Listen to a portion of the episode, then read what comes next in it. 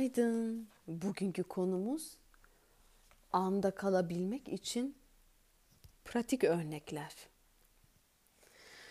Sabah kalktığınızda sadece sahip olduklarınızı düşünün.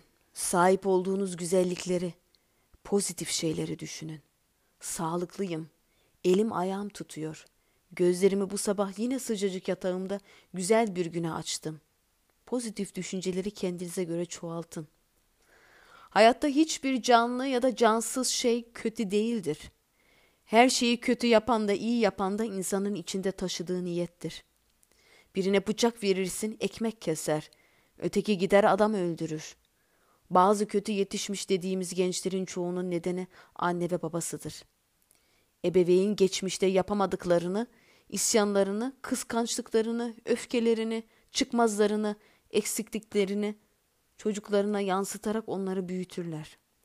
Çocukluğunda çok acı çez, çekmiş, ezilmiş bir ebeveyn çocuğuna hakkını sakın yedirme, sakın hakkını almadan gelme, sana vurana sen de vur der. Bu cümle çocukta saldırganlığı ve öfkeye neden olurken başka başka bir çocukta çocuğuna kıyaslayarak bak Ayşe ne güzel yazmış senin yazın kargacık burgacık der. Bu cümle ise çocukta kıskançlık duygusunun doğmasına neden olur. Çocuğa bu şekilde yaklaşmak yanlış bir davranıştır. Çocuğun kötü huyları edinmesine neden olur. Anne ve babanın çocuğuna söylediği her kötü ve nefret dolu cümle kendisine söylediği cümledir. Temelinde isyan ve kıskançlık vardır. Çocuk ile konuşurken kullanılan kelime ve cümlelere dikkat etmeliyiz.'' Yaşanılan her olayın farkına varılmalı. Kötü şeyleri kabullenmek, etkisinden daha çabuk kurtulmaya ve o olayı çözmeye yarar. Reddetmek, olayın içinde kalmak demektir. Olaydan arınmak gerek. Bu da farkındalık sağlayarak kabullenmekten geçer. Farkında olmak bir alışkanlık değildir. Alışkanlık ezbere yapılan bir şey. Oysa farkındalık bilerek yapılır.'' Hayatta insan gibi canlıdır. Her ikisinin de neyine teşekkür edersen daha fazlasını vermek ister. Sabah uyanınca sahip olduğun güzelliklerin farkında olarak aç gözlerini. Güne bir teşekkürle başla. Şükret hayata ve sihirli sözleri unutma. Uyanır uyanmaz söyle. Şimdi, burada, hemen. Şükretmek içinde büyük kocaman bir teşekkürü barındırır. İnsanlar gibi hayatta neyine teşekkür ederseniz onu daha çok vermek ister size. İsyan etmek uzaklaştırır. Şükretmek yakınlaştırır her şeyi bize. Teşekkür her şeyden önce beynin en önemli ilacıdır. Yalnız bilmek ister beynimiz. Dillendirmeniz gerekir teker teker.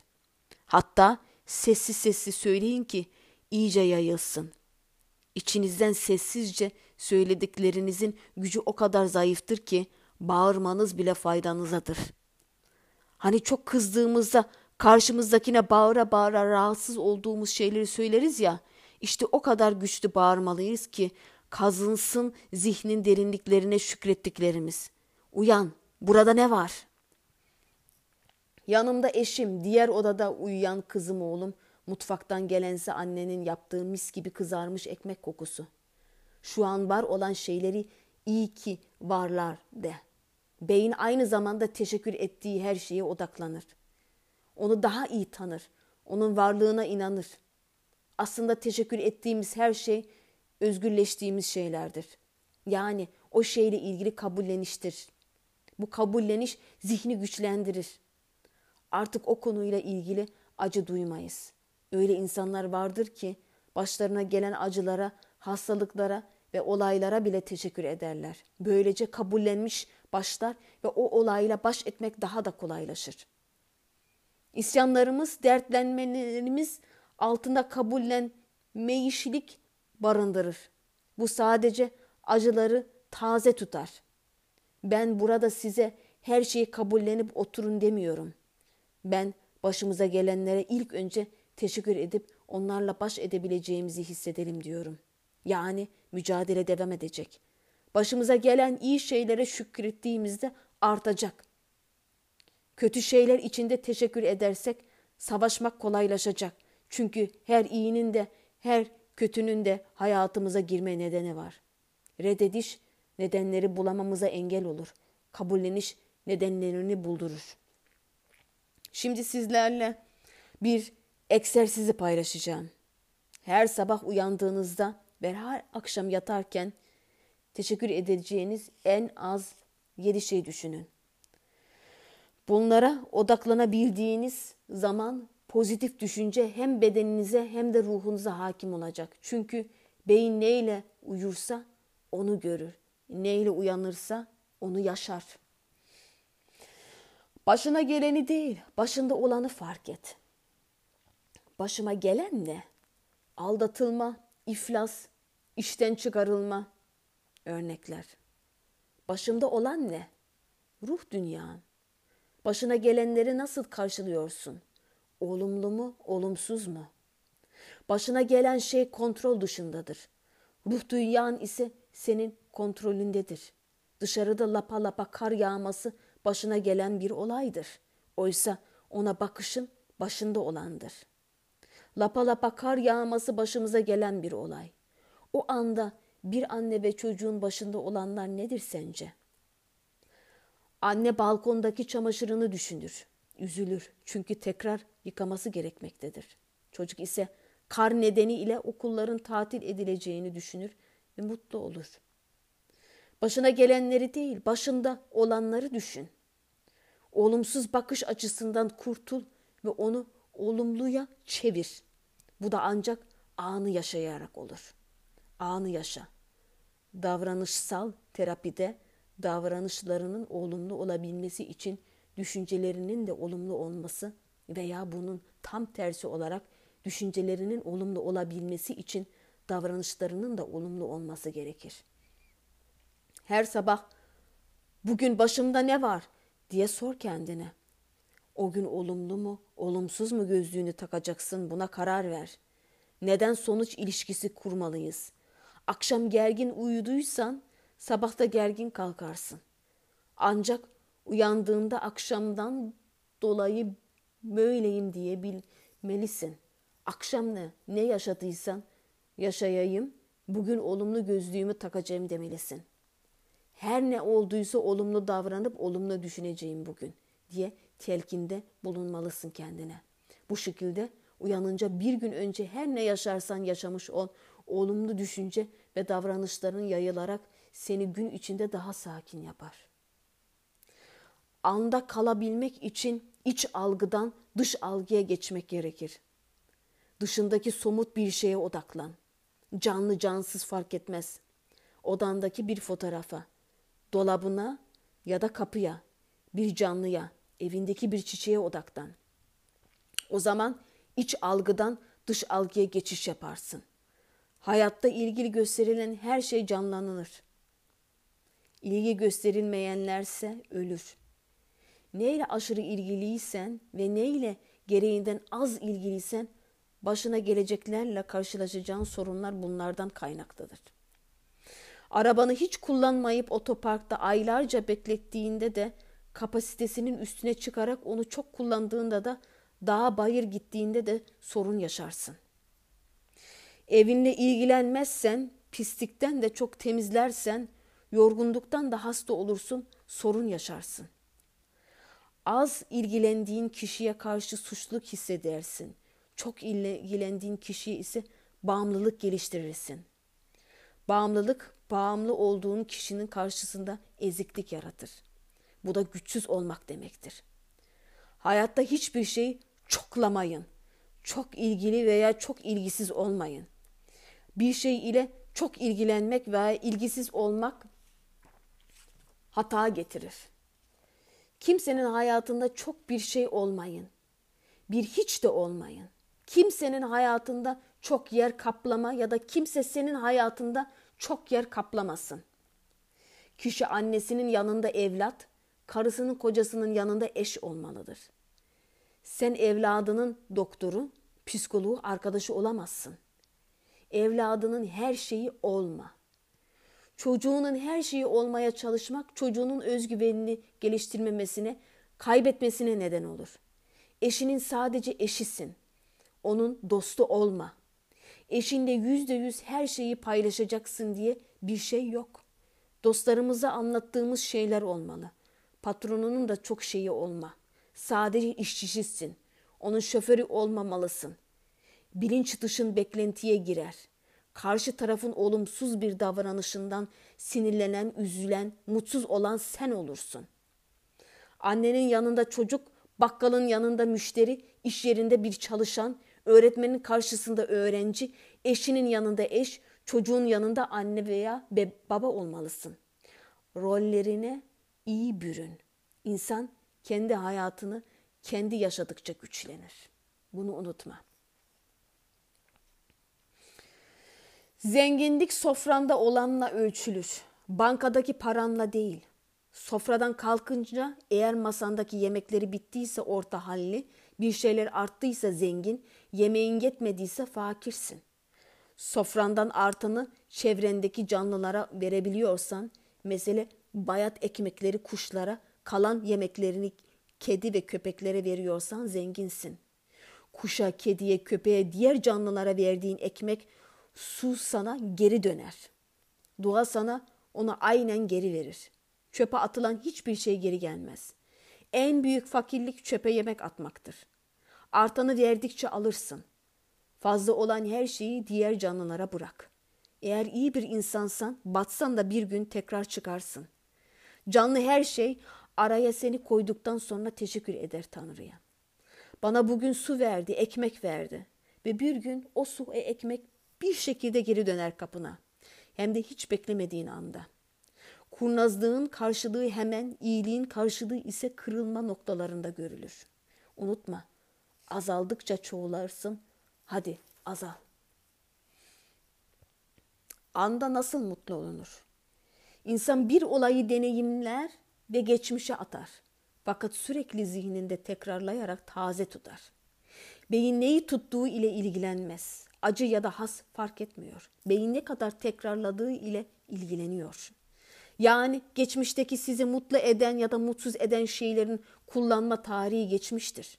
Eğer siz geçmişteki mutlu anların aynısını yaşamaya beklerseniz yenilenemezsiniz. Çünkü insanı mutlu eden şey başınıza gelen şeylerin yenilenmesiyle olur. Aynı olan şeyler tekrarlanamaz ve tekrarlanmayan şeyleri beklemek hem tembellik hem de mutsuzluk getirir.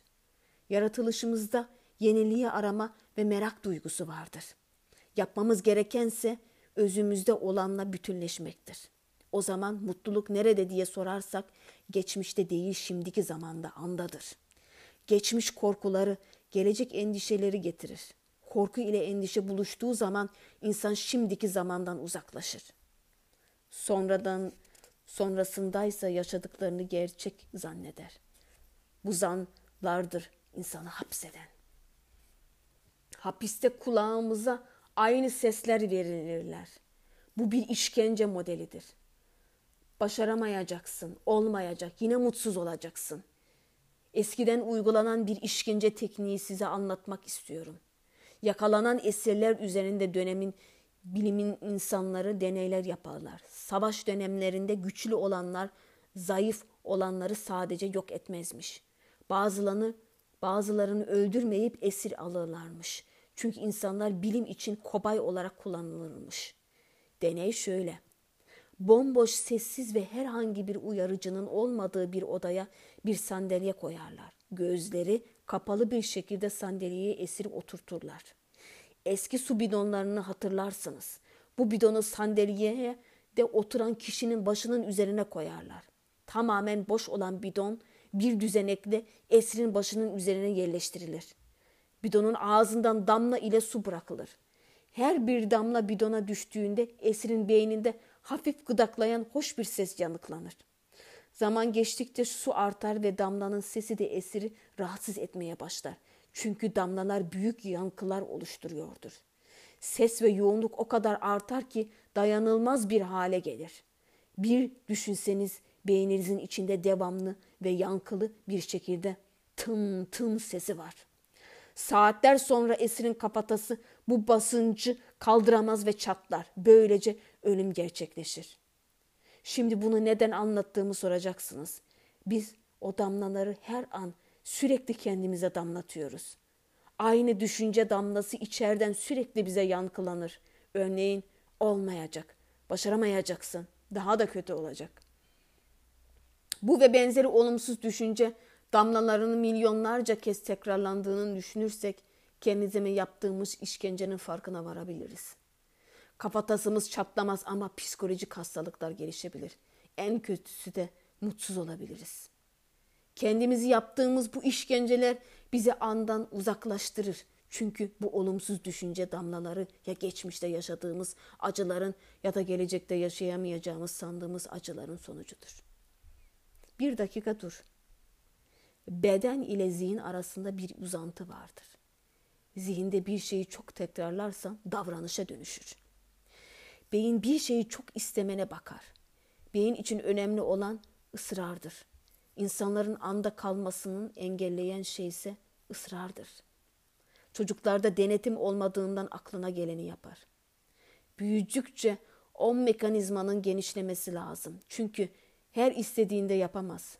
Kişiye davranışı ile ilgili ödev verildiğinde 10 gün sonra inanç geliştirdiğinden bunu inandığı için yapacak ödev olarak değil. İstenmeden tekrarlanan davranışlarda da inanç gelişir. Israr önemli, bir istek değildir.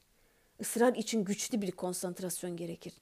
Öyle iste ki her sabah seni saat 6'da diksin ayağa. O kadar güçlü iste ki isteğinin iyi niyeti varsa hiç durma. Aralıklı beklersen hiç durma. Azim engelleri hırs ise hem seni hem karşındakini yok edecek. Kiminin hedefi bir yıl, kiminin on gün sınanır. Herkesin ısrar derecesi aynı değildir. Olmayacaktır da.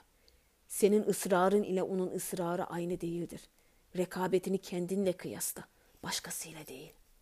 Çocukların ısrarı çok kısa, yetişkinlerin ise uzun. Ebeveyn üç gün çoğun çocuğu ağlatsa dördüncü gün istediğini yapıyor. Bıktırsana kadar iste, azimle iste. Beden ile zihnini aynı çalıştıracaksın. Bedeninle zihninin bir tutacaksın. Bedenin ile zihnini bir tutabilmek için bir dakika dur. Önce bir hedef canlandıracaksın. Sonra bir beden pozisyonu alacaksın. Davranış bozukluğu, otokontrol, duygu kontrolü olan çocuklarda da uygulanır. Aynı pozisyonda kal. Sadece nefes alıp vereceksin. Bedenini de zihnini de durduracaksın.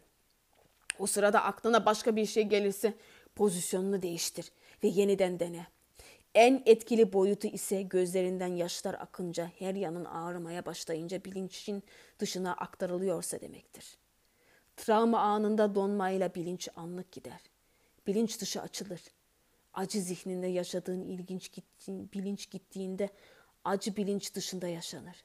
Zihinde oluşur. Her yanın ağrıyana dek bunu yapacaksın. Örneğin çocukları ilk hafta koşturup durdurun ve üçe kadar sayın. Bir hafta sonra bunu 60'a çıkarın. Çocuk kendini kontrol etmeyi öğrenecektir. Beyin bir şeyi ne kadar istediğine bakıyor. İyi insanlar, iyi hedefler bazen çok ısrar edersen olmaz. O zamanlarda hayat şimdi değil de der, zamanı bekletir. Bir süre sonra yapar. Bekleme, sırasında kötü niyet geçirmeyeceksin aklından. Eninde sonunda her başarılı insanın hayatında ısrar vardır. Kötülüğünüze ısrar eden de çıkacaktır. Düşüncesinde ısrar eden insanlardan. Tüm insanlar iyi duarlar ama sonrasında kötü olurlar. Bunu seçerler. En patolojik insanlar daha iyi duarlar. Hayat diyor ki doğumda iyi doğdun, ölünce de iyi ol. Temiz doğdun, temiz gel. Bebek de yıkanır, ölü de yıkanır. Toprak pis istemiyor ama hayatta güçleneceksin fiziken ve ruhen. Asıl olan ruhun temizliği, iyi niyetli olmayı öğrenmen gerek. İki niyet var. Ya iyisindir ya da kötü.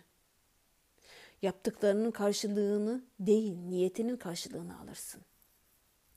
Yaptığının karşılığını hemen niyetinin karşılığını ise daha sonra alırsın.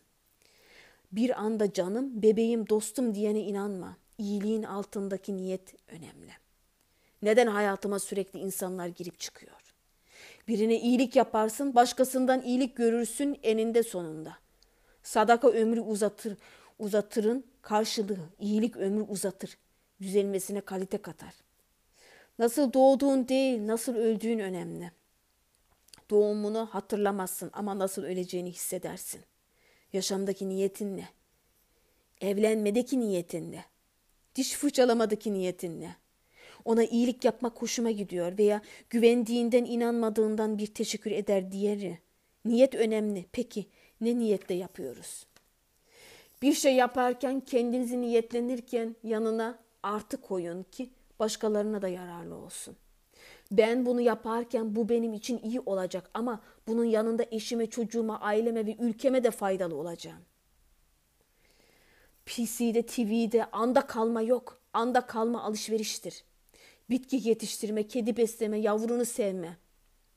Ağız yalan söylemek için gelen bir uzuv. Ağız dışında hiçbir uzuv yalan söylemez. Yavaş ye, anda kal. En önemli tekniklerden birisi bu. Nasıl yemek yediğine dikkat et. 21 gün sürecek. Yemek yerken ağzını yavaş açıp kapa. Yemek yerken beynindeki nöronlar çok hızlı hareket eder. Ağzını yavaş açıp kapattıkça nöronlar yavaşlar. Bir hafta yeterli bir öğün seç ve öğüt. Tenceredeki yemek, pilav, altını çok açtığında yanar. Kısık ateşte ise ısınır. Hastalık bize yavaş yavaşlamamız için verilir. Grip olursan yatman gerekir. Beden ve ruh beyninle uyumlu olmalı. Bu egzersiz ikisinin bir arada olmasını sağlar. Ağzını yavaş açıp kapatınca yemek yerken zihin de yavaşlar. Bedenini de tekrarla ki zihine gelsin. Etçil hayvanlar agresif, otçul hayvanlar mutludur. Zepse ve et ağırlıklı beslenenlerin ruh halleri farklıdır. Bir kişinin kişiliğini ve de neler yapabileceğini anlamanızın bir yolu da ısrar ettiği şeylere bakmaktır. Sorunu çöz, çözemiyorsan haddine düşeni kabullen. Orada çok beklentiye girme. Her sorun bana ait değil, başkalarına da ait. Bir şey için uğraş, sonuç alamadın bir daha şans ver birkaç defa. Israr çok önemli. Az konuş sessizlik yasası. İletişimde ve konuşmada aktif olan dinlemede ve anlamada pasif olur. Bir şeyde çok aktif olmaya çalışma. Çok aktif olunca anda kalma pasifleşiyor.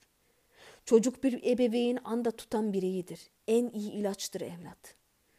Yaşlıya bakınca anda olamazsın. Yaşlıların anıları vardır. Çocuk çok şey öğretir. Yaşlı ile terbiye olursun.